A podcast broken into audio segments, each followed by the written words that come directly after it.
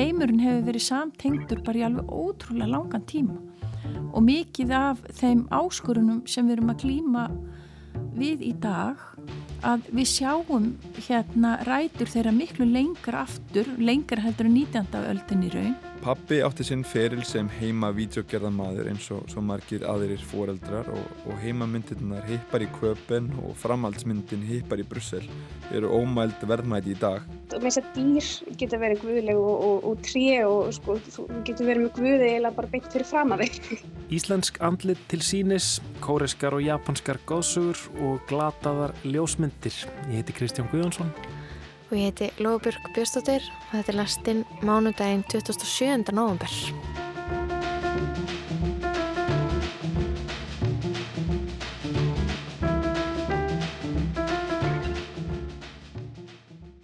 Segji frá því að mér langaði raun alls ekkert að fara inn á þessa ég hef svona alltaf verið að dadra svolítið við 19. öldina, einhvern veginn þá hef ég alltaf lendi í henni aftur og aftur. Þetta er Kristín Loftsdóttir, profesor í mannfræði. Hún tók á móti mér á skrifstofnu sinn í háskólanum áðan og ég hafði með mér nýju bókina hennar, Andlet til sínis.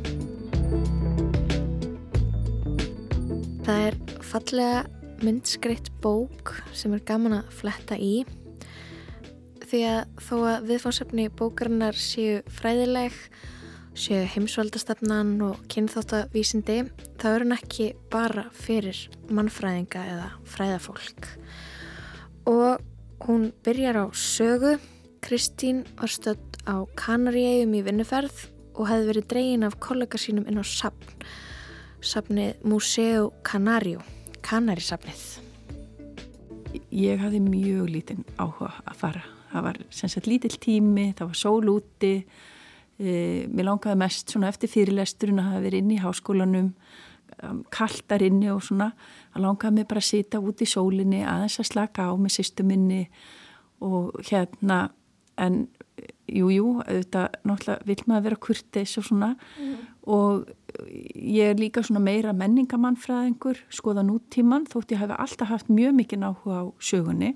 Og ég kannski þekkti líka sögu kanari að ég ekkert voðalega vel á þessum tímapunkti þannig að þetta hafði kannski enga sérstaklega svona dýbri merkingu fyrir mér að sjá uh, þarna efnismenningu frumbyggja í hana sem að uh, eins og kannski margir hlustendu vita Uh, hurfu á sjónasviðinu með tilkomu spánverja, ekki alveg strax en, en hérna Ég, mena, ég vissi ekki eins og það hefði verið frumbyggjar á eigum sem er náttúrulega pingu skrítið en já. Já, akkurat og hérna og þeir voru, sagt, það var fara mjög illa með þá.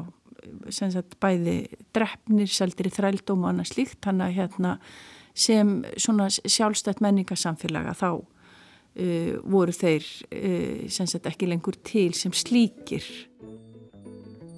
En svo loksins fann Kristinn eitthvað sem vakti áhuga hennar. Það sem varð síðar viðfangsefni bókarinnar brjóstmyndir af Íslandingum og öðrum á kannarisafninu og síðan efst upp á skápunum það sem vakti mesta, mestan áhuga hjá mér voru brjóstmyndir sem voru greinilega af fólki frá ólíkum stöðum í heiminum. Og það var ekkert volið auðvelt að sjá þar að því það er svona frekar dimt alltaf í þessu herbyggi, það er mjög hátt uppi.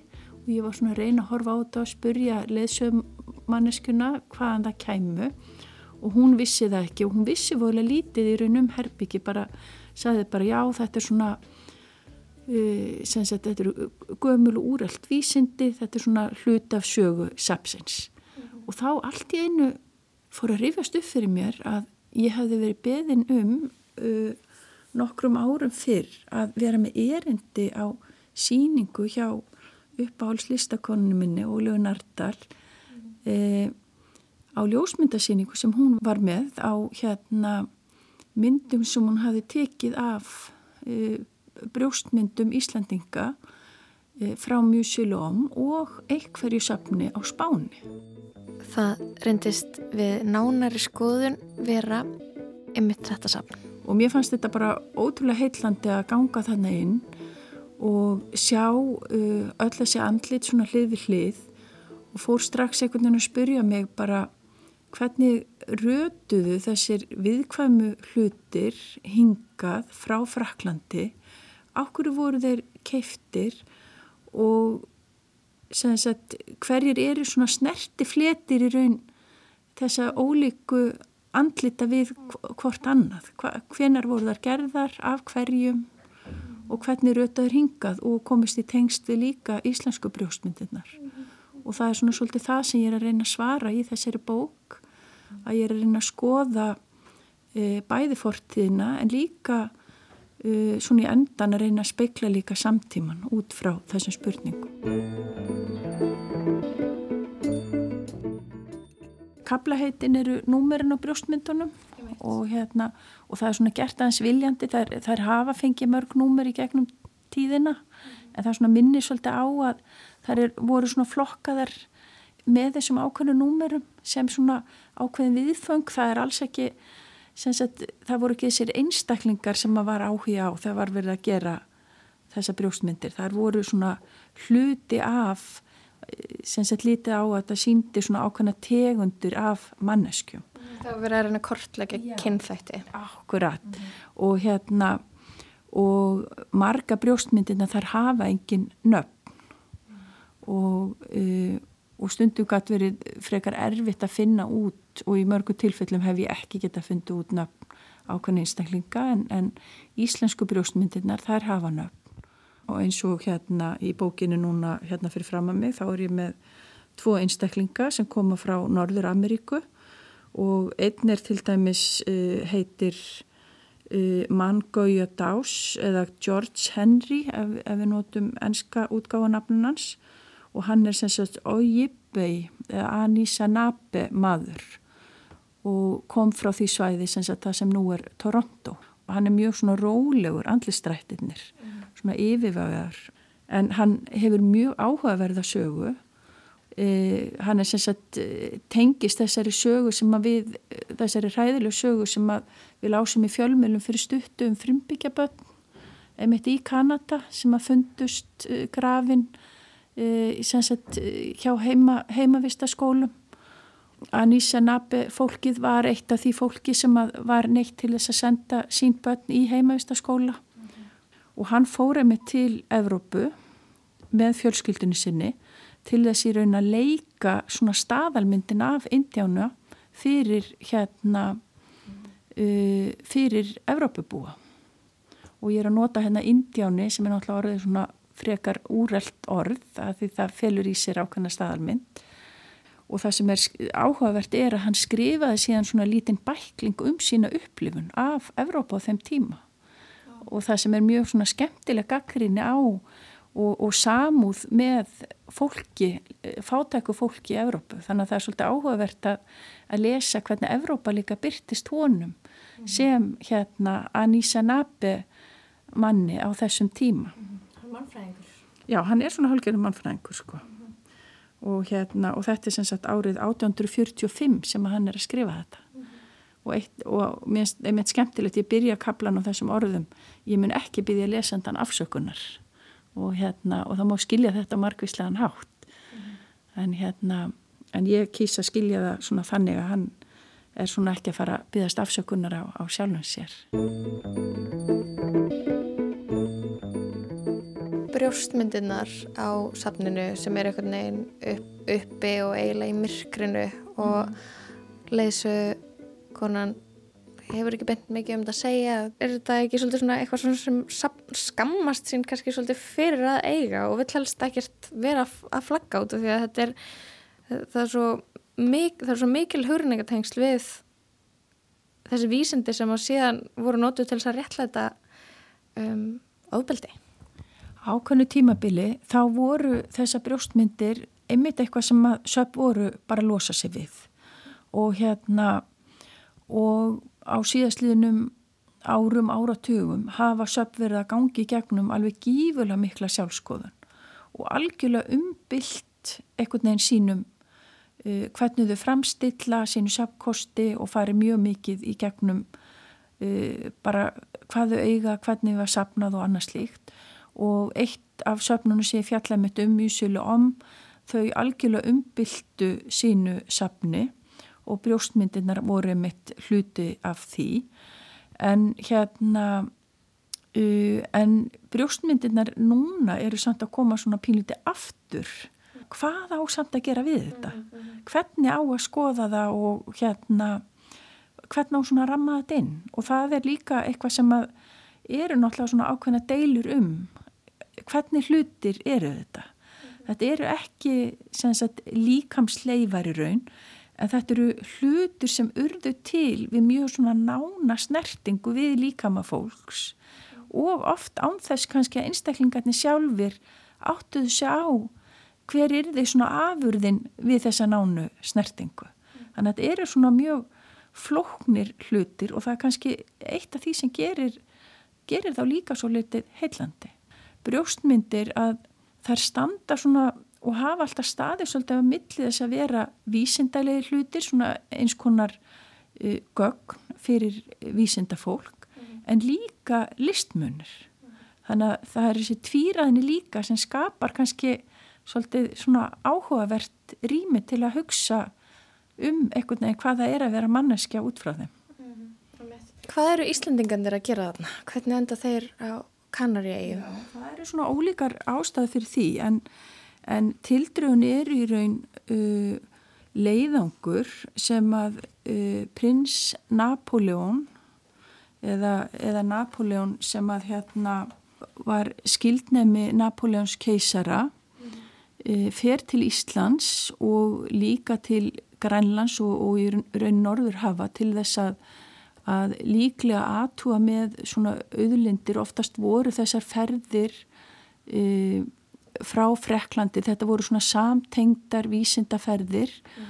og líka e, hafðu hernaðilegt mikilvægi og með í för, þetta var svona ekki eitthvað sem skipti miklu máli í þessum leiðangri en með í för var mótunameistari að nafni Stahl sem að gerði þessar brjóstmyndir. Bara vísindamæður eða? Já, sem var vísindamæður mm -hmm. og hérna og við vitum að þetta skipti ekki miklu máli að því að það er mjög lítið talað um þetta í gögnum um ferðina þessi kynþáttavísindi þau eru mhm. úrelt, fordumafull og yeah. áttu aðna einhvern veginn, já flokk okkur og, og sanna búið til mhm. stigveldi eins og talar um þarna, hvernig er talað um Íslandinga þarna þú, já, þessum já. tíma. Er, er, þarna, er strax einhvern veginn komin fram þessi hugmynd sem við höfum um okkur og úr sögubókanum að, að Íslandingar hafi þótt flottir eða? Já, þetta, er, þetta er mjög góð spurning. Að því þetta er uh, pínlítið flókið að á þessum tíma sem að þessi leiðingur á sér stað 1856 þá eru kynþáttavísindi eins og það verða setna þau eru ennþá mjög mótun við tölum oft um eins og þess að hugmyndir hafi verið uh, frá örof og alda einhvern veginn fast mótaður en þær voru það ekki og sérstaklega það sem ég finnst svo áhugavert við þessa 19. öld er að við sjáum að hugmyndirnar í byrjun 19. aldar það eru mjög ómótaðar. Það er vissulega uh, í hugum uh, evróska fræðimanna, að því þeir voru jú menn, að þá eru vissulega hugmyndur um, um eigi mikilvægi og að konur og það sem þeim fannst vera jæðarhópar að, uh, að þeir var eitthvað neginn minna mikilvægir. En það var ekki alveg búið að útfæra á sama hátt eins og var gert setna hvernig. Og hérna og það er áhugavert einmitt hefur verið að skrifa um Íslendingana að þá er það svona þeir eru einhvern veginn á jæðrinum en hérna en samt ekki alveg á sama hátt kannski eins og fólk annar staðir í heiminum og við sjáum einmitt í sko eins og gögnum frá þessari ferð hvernig talaðum Íslendingana svona þeir þóttu náttúrulega engan hátt standa jafnfættis uh, frökkum en samt svona ákveðnir einstaklingar samt miklu betri heldur en aðrir. Þannig að það kemur líka inn í á þessum tíma mjög stert svona stjættar hugmyndir sem blandast inn í hugmyndir um hérna kynþáttahyggjuna og þetta er eitthvað sem hefur verið oft bent á að hugmyndur um kynþætti við getum aldrei aðskillegar alveg frá líka hugmyndum um stjætt og kynnegð og, og kyniðu þetta. -hmm. þannig að það gerir oft pínliti flókið að fjallum þar en svo setna á 19. öldinni að þá eru kynþáttahugmyndirnar komnar með miklu svona fastara form um svona kvít forraði þar sem að e, kvítleikin er miklu hérna e, hefur svona fengi miklu svona skýrara form sem ákveð forraði en eins og til dæmis hérna e, Bjarni Jónsson að hann var e, sá einstaklingur sem hafi verið gerð brjóstmynd af áður að frakkarnir til dæmis voru mjög hrifnir af honum og fannst hann vera svona flott dæmi um kvítan einstakling. En lýsingarnar af Íslandi sem slíku, það var svona svipað eins og við sjáum e, hjá lýsingum annara sem höfðu ferðast til Íslands. Það var ekki, þeir voru ekki mjög hrifnir af Íslandingum og fannst þeir ekkert svona hérna e, sem er heilt ekkert e, hérna endilega vera sambærilegir sér sjálf.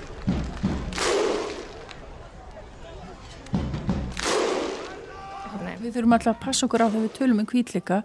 Það er ekkert eðlislegt í kvítleikanum. Hugmyndur um kvítleika og hverju kvítir að þær hafa verið að taka alltaf sögulegum breytingum eins og fræði fólk hafa bent á eins og það er oft tekið dæmi eins og með Íra til dæmis.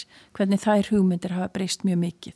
Að sumir hópar hafa svona færst nær kvítleikanum sögulega mm -hmm. og hérna og, og það er líka út af því að, að hvernig kvítleikin hefur skarast á við stjætt og sérstaklega eins og 19. öld að þá sjáum við að hérna að stjætt skipti líka mjög miklu máli mm. í þessari hérna í þessu stigveldi sem við verðum að reyna að skapa.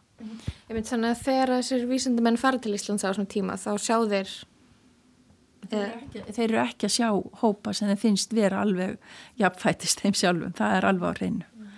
og hérna en, en það breytir því ekki samt að að, e, að setna meir að þá fær Ísland samt allt aðra stöði í hugarheimi Evrópa búa en eitt af því sem mér hefur fundist mjög áhugavert er einmitt hvernig Íslandingar eru að reyna einmitt e, mjög stert í lók 19. og byrjun 20. aldar einmitt að ná að klífa þennan klífa þetta stigveldi mm. og þessar svona áhyggjur að vera einhvern veginn staðsettir sem hluti af hinnum sem eru í þessu barbaríi af þessum villimönnum innan gæsalappa mm.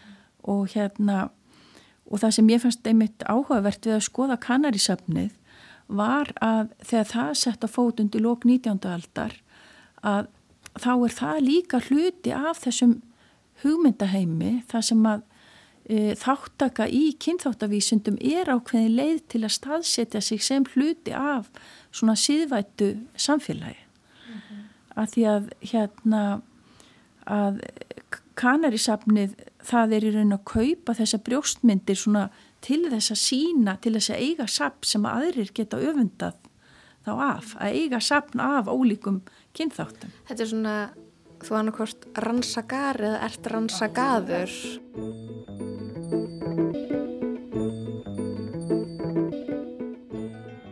Þegar ég fletti í gegnum ingang bókarinnar andlit til sínis þá var einn hugmynd sem ég staldraði við. Tvær setningar sem að innihalda eitthvað sannleika sem að verða svo augljós eftir á eftir á lestan.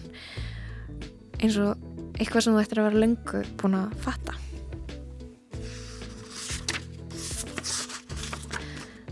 Fyrst er það þessi setning.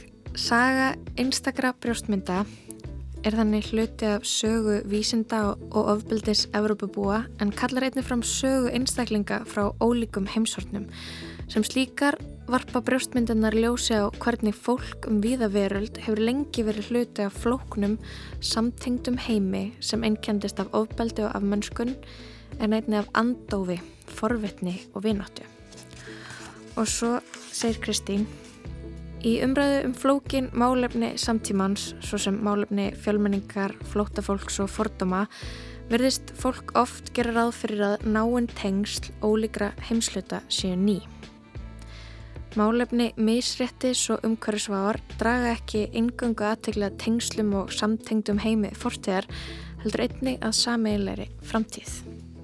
Þetta er kannski svona svona undirliggjandi grunnstefi bókinni að það er einmitt að oft er umræðin í dag hún gengur einhvern veginn út frá eins og eins og fjölmenning hérna tengslmiðli ólíkra eh, heimsluta umhverju sváin jafnvel að þetta sé eitthvað sem er bara að gerast núna en ég held að mitt að 19. öldin hún er svo áhugaverð að hún sínir alveg þetta eru bara stef sem eru bara frekar gömul þetta er ekkert nýtt heimurinn hefur verið samtengtur bara í alveg ótrúlega langan tíma og mikið af þeim áskorunum sem við erum að klíma við í dag að við sjáum hérna rætur þeirra miklu lengra aftur, lengra heldur en 19. öldin í raun og hérna og einmitt í bókinu þá er ég að reyna að gefa insýn inn í sem sagt dýpri skilning á mörg þessara málefna og við sjáum einmitt í þessari bók sérstaklega þeirra rekja sögur á mjög stuttan hátt sögur þessara einstaklinga á brjóstmyndasafnunu að þá sjáum við einmitt þessa þræði bara hvað þetta eru ótrúlega samtengtur heimur og ég held að eitt af því sem að innkennis 2001.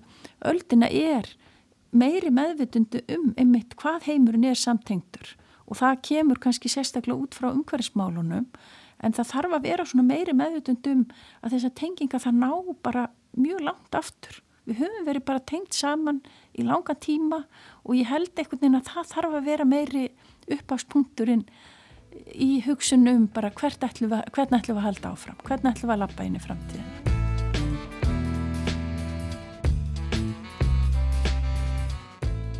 Kristín Loftsdóttir til hamingju með nýju bókina Andleti sínir á morgun ætlar að fagna útgáðri.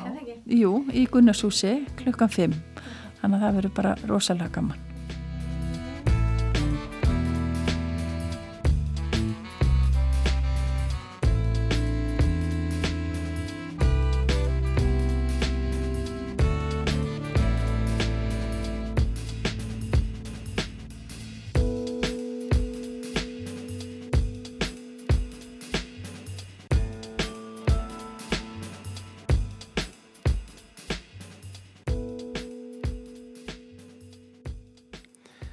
Þannig rætti lofa við Kristínu Loftsdóttur, prófessor í mannfræði.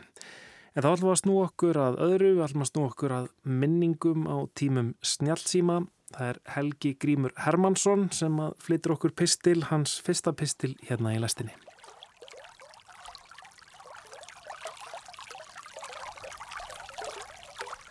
Ég reg fótinn í stein og rasa skakklappalega til jarðar. Kitty landvörður hjálpa mér á fætur en ég átta mig fljóðlega á því að ég er orðið nokkrum grömmum léttari því síminn minn hefur runnið með strömléttri áni út á Allandshafið.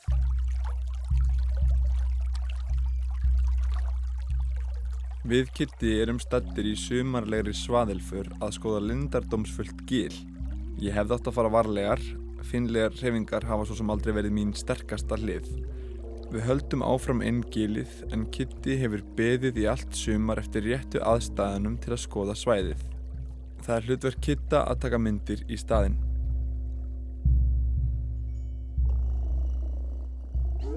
Þegar ég er komin heim átta ég mig á því að ég var ekki bara að glata rántýru hátækni samskipta undri heldur mörgum kílóum af minningum. Nánast öllu myndum sem ég hef tekið síðan ég eignaði síman fyrir nokkrum árum. Til allrar hamingju hafa eitthvað af myndunum vistast í skíinu, en ekki nærrum því allar. Ég gæti svo sem farið í öll messenger samtöl sem ég hef átt síðastlegin ár hlaðið niður öllum þeim myndum sem ég hef sendt til fólks og finnst merkilegar, en fjórum árum setna hef ég ekki enþá komið því í kring.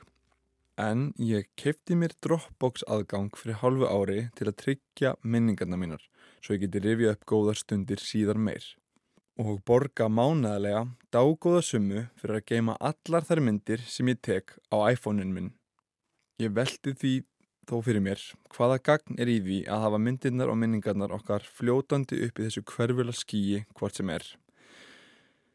Ljósmyndirnar sem við hljóðum þangað upp eru ekki beint nálat okkur. Þar eru bókstaflega í einhverju gagnaveri á meginlandinu.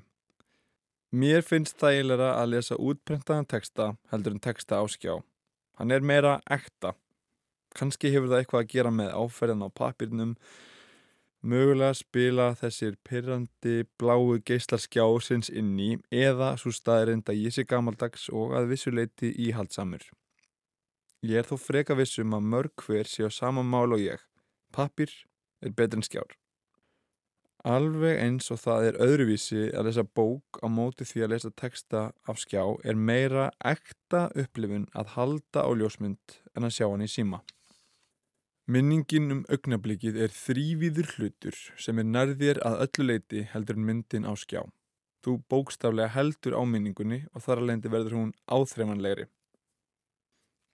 Háskólavinnir fóreldra minna kom í matarbóð og það var ekki langt um liði þar til þau drói frá myndaalbum og hlóðu dátt yfir minningum úr Reykjavíkupartíi fyrir 30 árum. Myndirnar voru margar hverjar ekkert sérstaklega flottar eða stíliseraðar og margar af sama kallinum, honum Kambis, í sorobúning, en þau skemmtu sér konunglega yfir flettinu, saman. Hvernig verður þessi kvöldstund 30 ár fram í tíman þegar færri og færri brent út myndir og hvað þá af einhverju mátulega merkilegu fyllir í? Við deilum augnablikum með fylgjumdum okkar á samfélagsmiðlum um leið og þau eiga sér stað. Það er ekki lengur þörf fyrir fjölskytuna að sapna saman í sófanum og horfa á ljósmynda slætt sjó frá ferðalögum þrátt fyrir að það séu eflaust einhverjir meistarar sem að ennþá stunda þann forna sófakarteblu sið. Nótkunn ljósmynda á samfélagsmiðlum gerir augnablikið einnota og fljótlega ómerkilegt. Miðlinn krefst þess að þú framleiðir meira og við njótum eða innbyrðum öllu heldur í einu rúmi. Það er aðalega í kringum blessuðu börnin sem við rýfum upp myndavélarnar og okkur þykir mikilvægt að varðveita þau verðmænti augnablik. Pappi átti sinn feril sem heima vídeogerðamaður eins og svo margir aðeirir foreldrar og, og heimamyndirnar hippar í köpen og framhaldsmyndin hippar í Brussel eru ómæld verðmæti í dag. Þrátt fyrir að þetta vídeostand föðumins hafi verið okkur bróðuminum og yngri ættingum til mikils ama á þeim tíma. Bróðuminn og kærastan hans eru nú orðin ansittulega að prenta út myndir af sínu nánasta fólki með síni þeirra og einu myndirnar sem ég á heima útprentaðar er af mér og honum að ulla í strætó, leika í bústað og svo lengi mætti telja. Þær eru mér afar kærar. Lillifrændi minn fekk einnig filmumyndavél til afnóta í sumafríi á Ítalíu og þrátt fyrir að þar myndir séu ekki líklegar til verðlauna í ljósmyndakeppnum eru þær gríðarlega hjartnæm og mikilvæg útprentuð heimild. Bróðum minn sem er fullorðin þarf reyndur að vanda sig ögn meira við að taka myndir því þumallin hann slætist einhvern veginn inn á allar myndina sem hann tók. En það er önnu saga. Ég hef lengi ætlað að prenta út heilu myndaalbumin en það að geta tekið endalust af myndum flækir málinn frekar. Því fleiri myndir sem teknar eru verður erfiðara að sikta út hvað á að eiga og hverju á að eigða. Ég reynir reglulega að grísja en þetta er snjóbolti sem heldur áfram að stækka. Þessi skí eru geimslað fyrir minningar sem maður nennir ekki að taka til í og við skulum muna að líkilorð gleymast og símar geta alltaf dottuður vössum eða tinst. Eitt daginn gætu gagneverðin líka krassað og miljardur af ljósmyndum og minningum myndu þurkast út. Kanski er ég bara íhaldsegur að steita hnefanum í átt að grái framtíðarskíi. Kanski þarf ég bara að vera dugleri og hafa betri yfir sín. Facebook segir að þeim þykir væntu um mig og mínar minningar á forðinu, mjög krútlegt og hjartnæmt. Eftir 17 ára viðveru á forðinu er aðra grú af myndum sem þykir væntum þar inni. Allir samskiptameðlar minna mann á hvað maður hefur fjárfest mikið af tíma, viðveru og minningum inni á þessum forðum. Það bætist því á to-do-listan að fara í gegnum allar myndirna mínir á Facebook og Instagram, meira segja þær sem ég er ekki takaður í og hlaða þeim niður skipulega til að prenta svo út áður en Facebook fyrir að rukka mig um eigin minningar.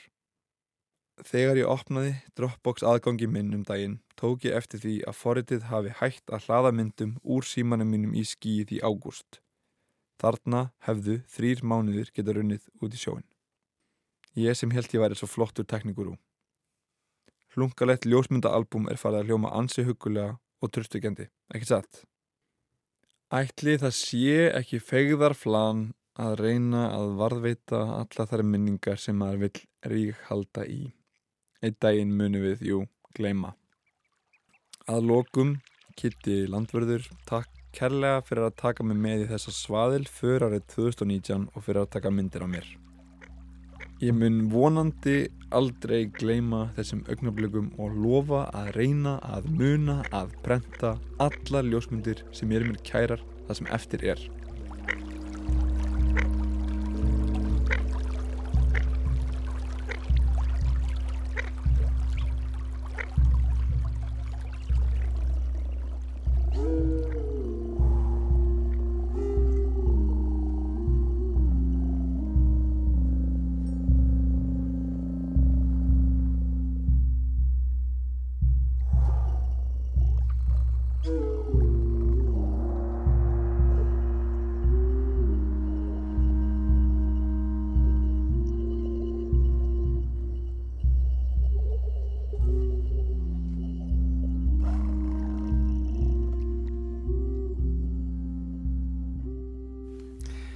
Örfáir flaututónar frá Andrei 3000 að nýri plötu hans New Blue Sun sem kom út á dögunum. Davíð Róts Gunnarsson slátraði þeirri plötu hérna í lestinni á fymtu dag -hmm. um, en ég er aðeins búin að hlusta á hana og ég verða að segja ég er ekki alveg sammálunum mér finnst þetta frekar nettur hljóðheimur sem að Andrei er að skapa þarna. Er þetta ekki smá þú annarkvæmst hatar þetta eða elskar þetta Gæti þetta verið. er kannski smá þannig tónlist Gæti verið og ég, ég er kannski ekki það mikill aðdáðandi Andrei 3000 og, og hérna, Outcast þannig að Nei. um, Þetta er ég ekki var ekki, heilagt ég var ekki fyrir fyrir þér. vonbröðum Nei. en við heyrum þar á undan pistil eh, sem að Helgi Grimur Hermansson flutti flutti um minningar ljósmyndir og já, hvernig það er auðvöld að tapa þeim og hvað er það eftir Nákvæmlega en við ætlum næst að halda í austur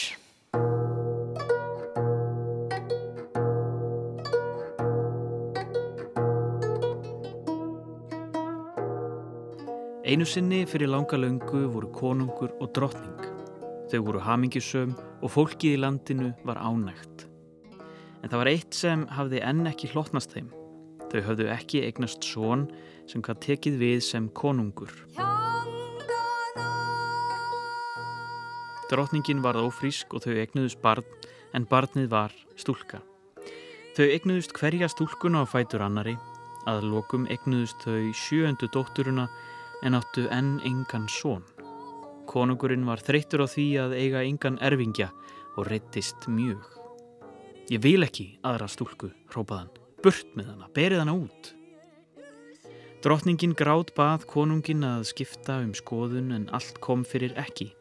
Barnið var sett í körfu, karvan sett í á, nálagt höllinni og þaðan flaut um burt. Prinsessan var kölluð Pari, svo yfirkefna.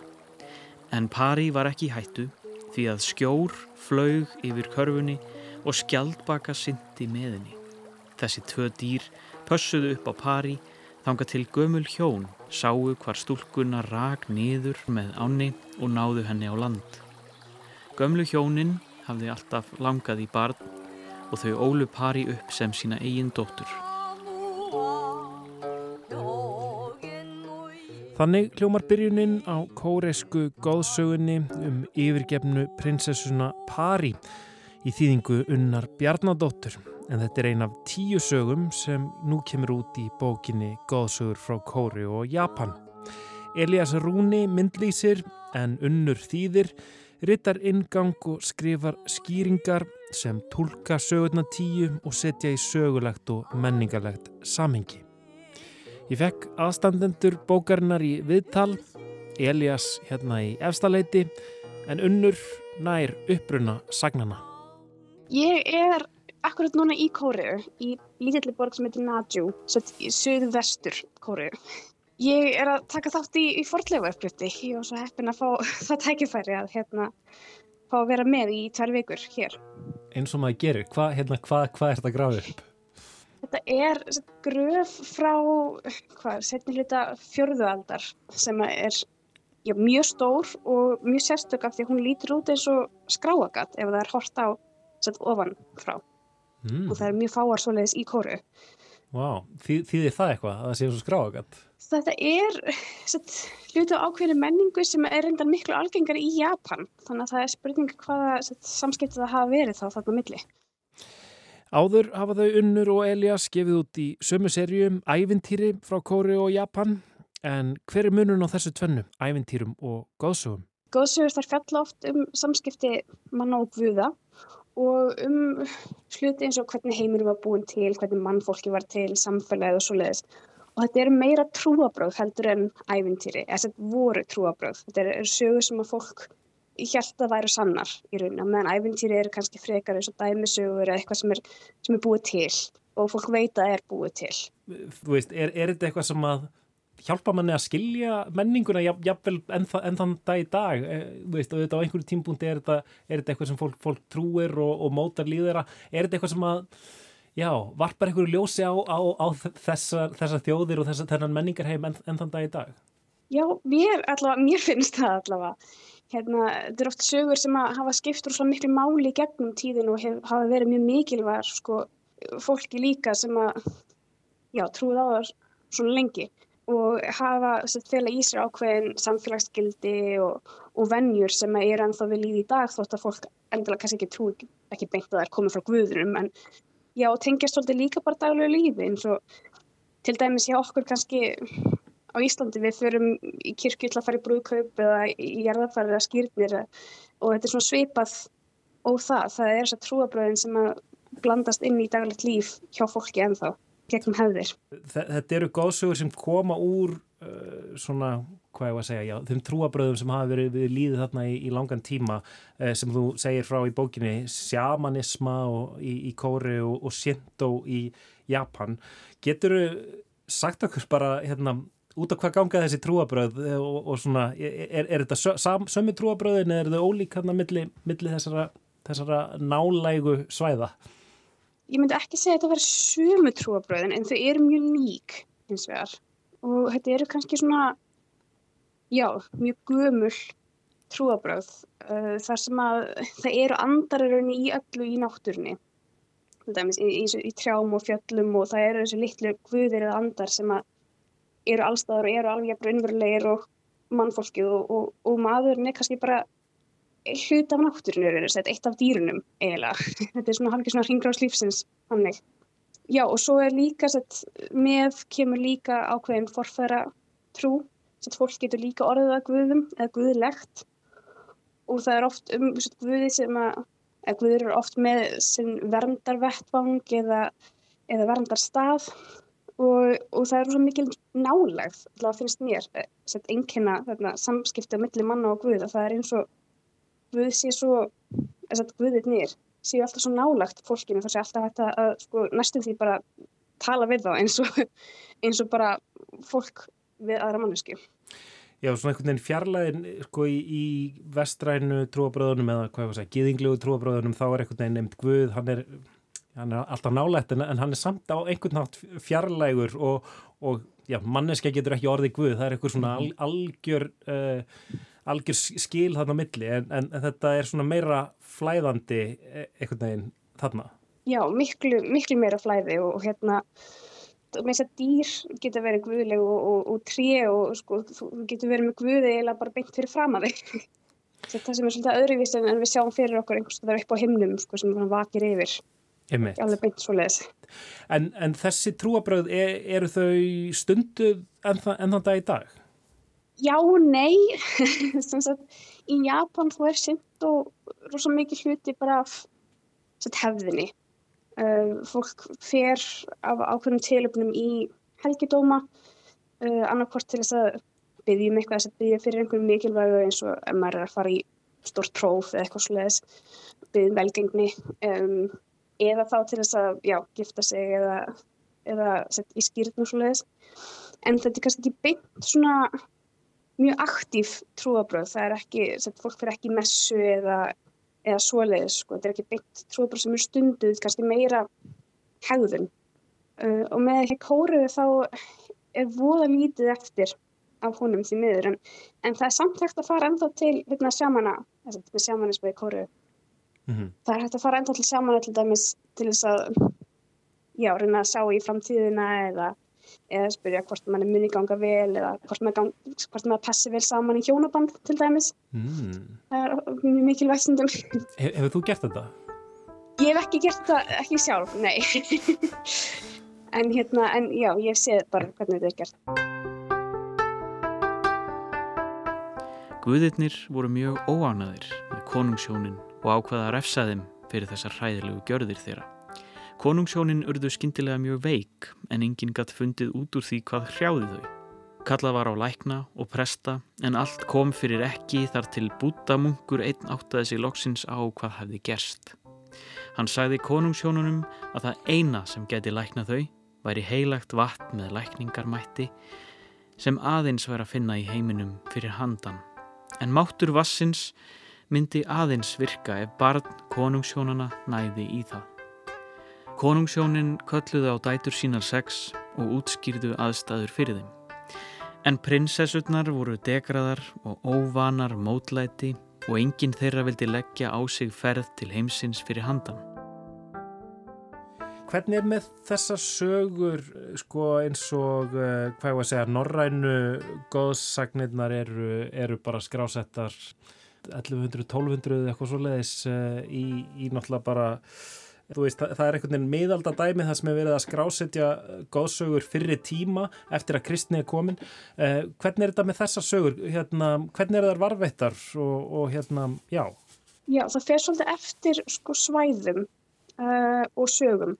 Í kóru þá verðist þetta skiptast í tvent, annars vegar sögur sem að lýsa því hvernig konungsættir urðu til eða stofnuð. Þær sögur voru skrifaða niður um, kringum 1100, 1200. Mm -hmm. en svo hins vegar er sögur sem hafa varðist í gegnum sjamanisma sem að sjamanar segja þegar það eru hluti í rauninni af helgi aðtöfnum sjamanisma. Uh, í Japan þá eru sett sögurnar um keisarafjölkildina og, og Japan sjálft þær eru skrifaðið við líka þess að kannski svipaðu í, í kóru þessar sögur sem fjalla um sko, stopnur ríkja eða stopnur ríkisins er svo mikilvægar en aðverðar þessar til dæmis á Hokkaido þær voru fluttar munlega alveg fram á bara byrjun 20. aldar Já, þannig að mikið af þessu er einhvern veginn í, í munlegri gemd sem er síðan, síðan skrás, skrásett bara, já. já, og sérstaklega í Hokkaido sko af því að það eru sett sögur ænu fólksins sem að tala ænu tungumálið sem er ekki japanska og á sér ekki rítmál þannig að þess vegna var þetta ekki skrifað niður fyrir nátt 20. öld á japansku. Það er svo aðteglusvært að, að lesa góðsögur eh, með einhvern veginn svona nútíma gleru það er eitthvað svo fríkaða því að það er bara einhver svona, mhm. einhver önnur rökvísi í gangi heldur en í einhvern veginn sögum sem við kannski segjum í dag sem er einhvern veginn svona raunsæis sögur yfirleitt við einhvern veginn viljum allt sé einhvern veginn raunsætt um, Elias, hvernig nálgæðist þú þetta bara svona varandi myndirnar? Um, Já, það er góð spurning þetta er náttúrulega svolítið snúið að myndskrið eitthvað sem er ekki beint heimildir til um og náttúrulega menningarheimil sem ég að þekki mjög lítið það er búið að vera mjög gaman að fá að vera með í svo kynast þessum heimi, lesa hérna eh, ingangin frá unni og, og svona hvernig hún setur sögurnar í samingi við hérna tímana í dag. Já, þetta er búið að vera bara mikið vafur og leita á netinu og svo er þetta mjög mikilvægt að geta leita til unnar og fá staðfist að það sín og allt. Mm -hmm. Svona satt og rétt. Mm -hmm. Varst eitthvað að sækja í menningarhefð eða listræna hefð, myndræna hefð þessa svæðis eða, eða nálgæðist þetta bara með svona þínum þínu nefi? Jú, ég reyndi alveg að taka það inn í svona í upphafi að hérna leggja svolítið yfir myndir frá fyrir tíma og frá þessu svæði og svona sækja innblástur þangað en samt, jú, setja síðan minn stíl og svona aðeins kannski nútímalegri blæ á myndirnar. Mm. Svo var svolítið snúða af því að bókin er náttúrulega bæði hugsuð fyrir fullorna og börn. Það væri svona, já, lítið ekki ómikið út eins og fræðibók, heldur líka bara svona bók sem er indislestur fyrir alla aldurshópa. Ymmiðt, já, nákvæmlega. Þetta er svona góðsögurnar kannski henda börnum vel til þess að, til þess að lesa eða heyra og skoða myndirnar en, en svo eru þarna þessir e, þessar útskýringar sem eru náttúrulega bara hérna, já, kannski ekki, ekki fyrir sex ára allavega. Nei, allavega fyrir hérna, lengra komna.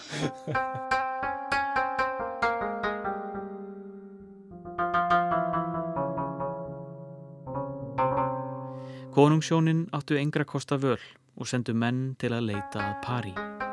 Hún varð mjög hissa þegar hún komst að því að hún var í prinsessa en hún var góð og kærleiksrík stúlka og þótt foreldrar hennar hefðu yfirgefið hana vildi hún samt hjálpa þeim. Öðvitað fer ég að ná í vatnið, sagði pari. Þrátt fyrir allt þá get ég ekki bara lift þeim að deyja ef það er eitthvað sem ég get gert til að koma í veg fyrir það.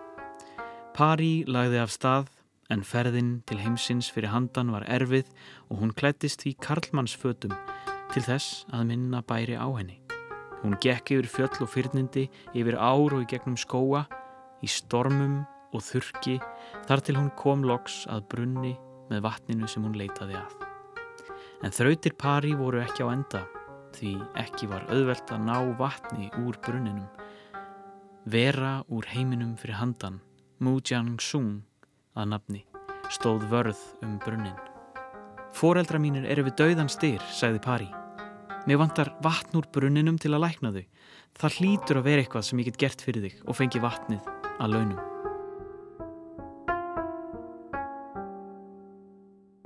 Það eru þessar fimm svona tildulega stuttu, stuttu góðsugur en, en það er síðan svona tólkarnir á þeim og, og, og miklar upplýsingar um, um þessi svæði og, og hlutverk góðsagnuna í, í lífi fólks. Um, það sem að mér fannst kannski komir óvart og mér finnst þetta skemmtilega svona að það er ákveðin þráður aðna kannski að, að unnur þú varst að þú svona fjalla svolítið um hvernig þessar sögur sína uh, oft sko stöðu kvenna í þessum samfélögum uh, fyrir á tímum. Já, það hérna kemur kannski bara út frá því að ég er kona, ég hef svolítið áhuga á svo hvernig staða hvenna hefur verið í gegnum tíðina og hérna og hún hefur nefnilega ekki, alls ekki alltaf verið góð í þessum samfélögum.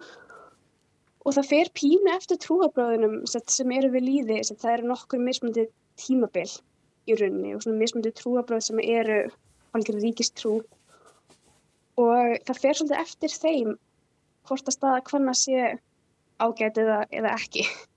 Þetta með konfúsiusismi í kóru er það mjög karlægt trúabröð og það er alveg pínu sorglegt að það er bara ekkert pláss fyrir konur í þeim trúabröðum. Það er það eru tvö hlutverk fyrir konur það er uh, góð móðir og trygg eiginkona og það er rauninni allt sem að kona getur gert og já, þannig að það er áhugavert að sjá svolítið hvernig set, þessi við þá stjórnast líka svo mikið af trúabröðunum sem mm. eru við lífi. En, en í sjamanisman sem að var, voru uh, ríkjandi trúabröð uh, á kóruðuskaganum þarna um, í, í langa tíma, Þa, þar verðast konur hafa haft mikilvægt hlutverk í, í trúni sjálfri? Já og, og gera enn í rauninni þess að flesta, þess að konur, þess að sjamanar í kóru eru venjulega konur enn þann dag í dag sem er svolítið öðruvísi enn á öðrum stöðum, svolítið í öðrum löndum í Asvíu því þar eru þau venjulega menn en hér eru það konur. Það er einmitt tilgjóttur um það að þetta sé af því að trúabröðið sem voru ríkjandi, þau voru svo karlæg að konur leituður á annan vettvang til þess að fá að njóta sín. Er svært. Um, hérna, mér langar að spyrja ykkur hérna eigið ykkur uppáhalds góðsögur í þessari bók Elias, að ég byrja á þér? Er ykkur svona sem þú mannst eftir sem að sem að þið er sérstaklega skemmtileg? Ég á mjög erfitt með að gera upp á millið þeirra. Mhm. þær eru svo ólíkar Já. og einhvern veginn skemmtilegar hver á, á sinn hátt. En það, svo eru svona hlutir sem eru náttúrulega mjög skemmtilegar að teikna eins og það var mjög skemmtilegt að teikna risamarkvælu ég hef aldrei gæst þáður það Hérna, sóttur þið þar í einhverju svona myndhæði svæðisins eða var það bara algjörlega ímyndunaraflið? Já, hún er byggð á, á svona myndum sem ég fann úr þessu ævindýri. Það er þessi? Já, kallast alveg á við aðrar svona eldri myndskeiðingar á þessu, þessari góðsugu. Mín held ég að sé yfirgefna prinsessan Pari sem er frá Kóriu. Mér finnst þetta svo magna að þetta sko fóröldrar Pari vilja henn ekki af, einmitt af því hún er kona, hún er stelpa. En að lókum er það hún sem, sem bjargar þeim já, mér finnst það svo mögnu skilabóð og svo finnst mér líka svo aðteglisvert sko hvernig hún sýnir heimsmyndina, þetta er ekki heimsmynd eins og við hugsaum um það sem að við erum með helviti fyrir niðan okkur og hími fyrir ofan okkur, heldur er þetta, já eins og við vorum að tala um þetta miklu meira fljóðandi einhvern veginn, hún lappar áfram og er allt í einu komin inn í heim hinn að dauðu það fyrir handan, það setja mm. ekki fólki upp niður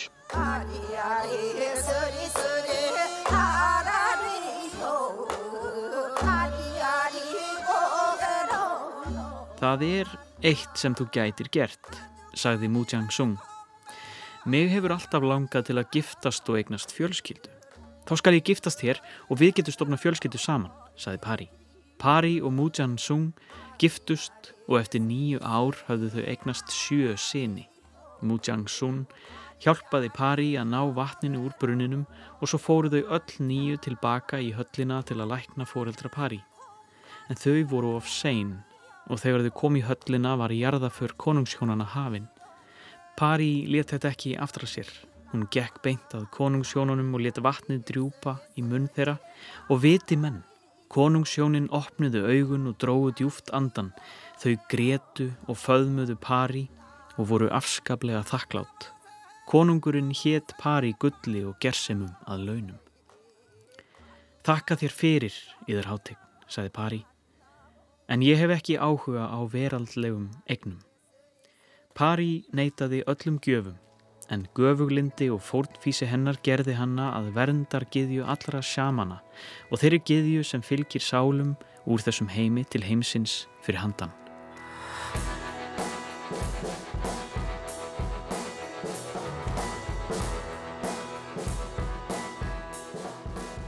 Þetta voru þau Elias Rúni og Unnur Bjarnadóttir sem að vilja endilega bjóða fólki í útgáðuparti 7. desember þegar bókin Góðsugur Kóri og Japan kemur formlega út en þanga til þá þá er hægt að fá eintak eh, beint frá bíli, bókaútgáfinni Asju og þeim tveimur. Lesar í einslæginu var Jóhannes Óláfsson bara bækur meistari. En við ætlum að enda lestina í dag á tónlist frá Suðu Kóriu. Þetta er tónlistamæður sem kallar sig eh, Paranúl og eh, lag sem heitir eitthvað með kórisku letri sem ég kann ekki að lesa en ennska þýðingin er We Shine at Night. Þetta er á plötu sem heitir After the Magic og kom út í byrjun þessa ás. Já, lestin verður ekki lengri í dag. Við Kristján og Lóa þökkum samfélgina. Það var Lítja Gretastóttir sem var tæknumæður. Verðið sæl.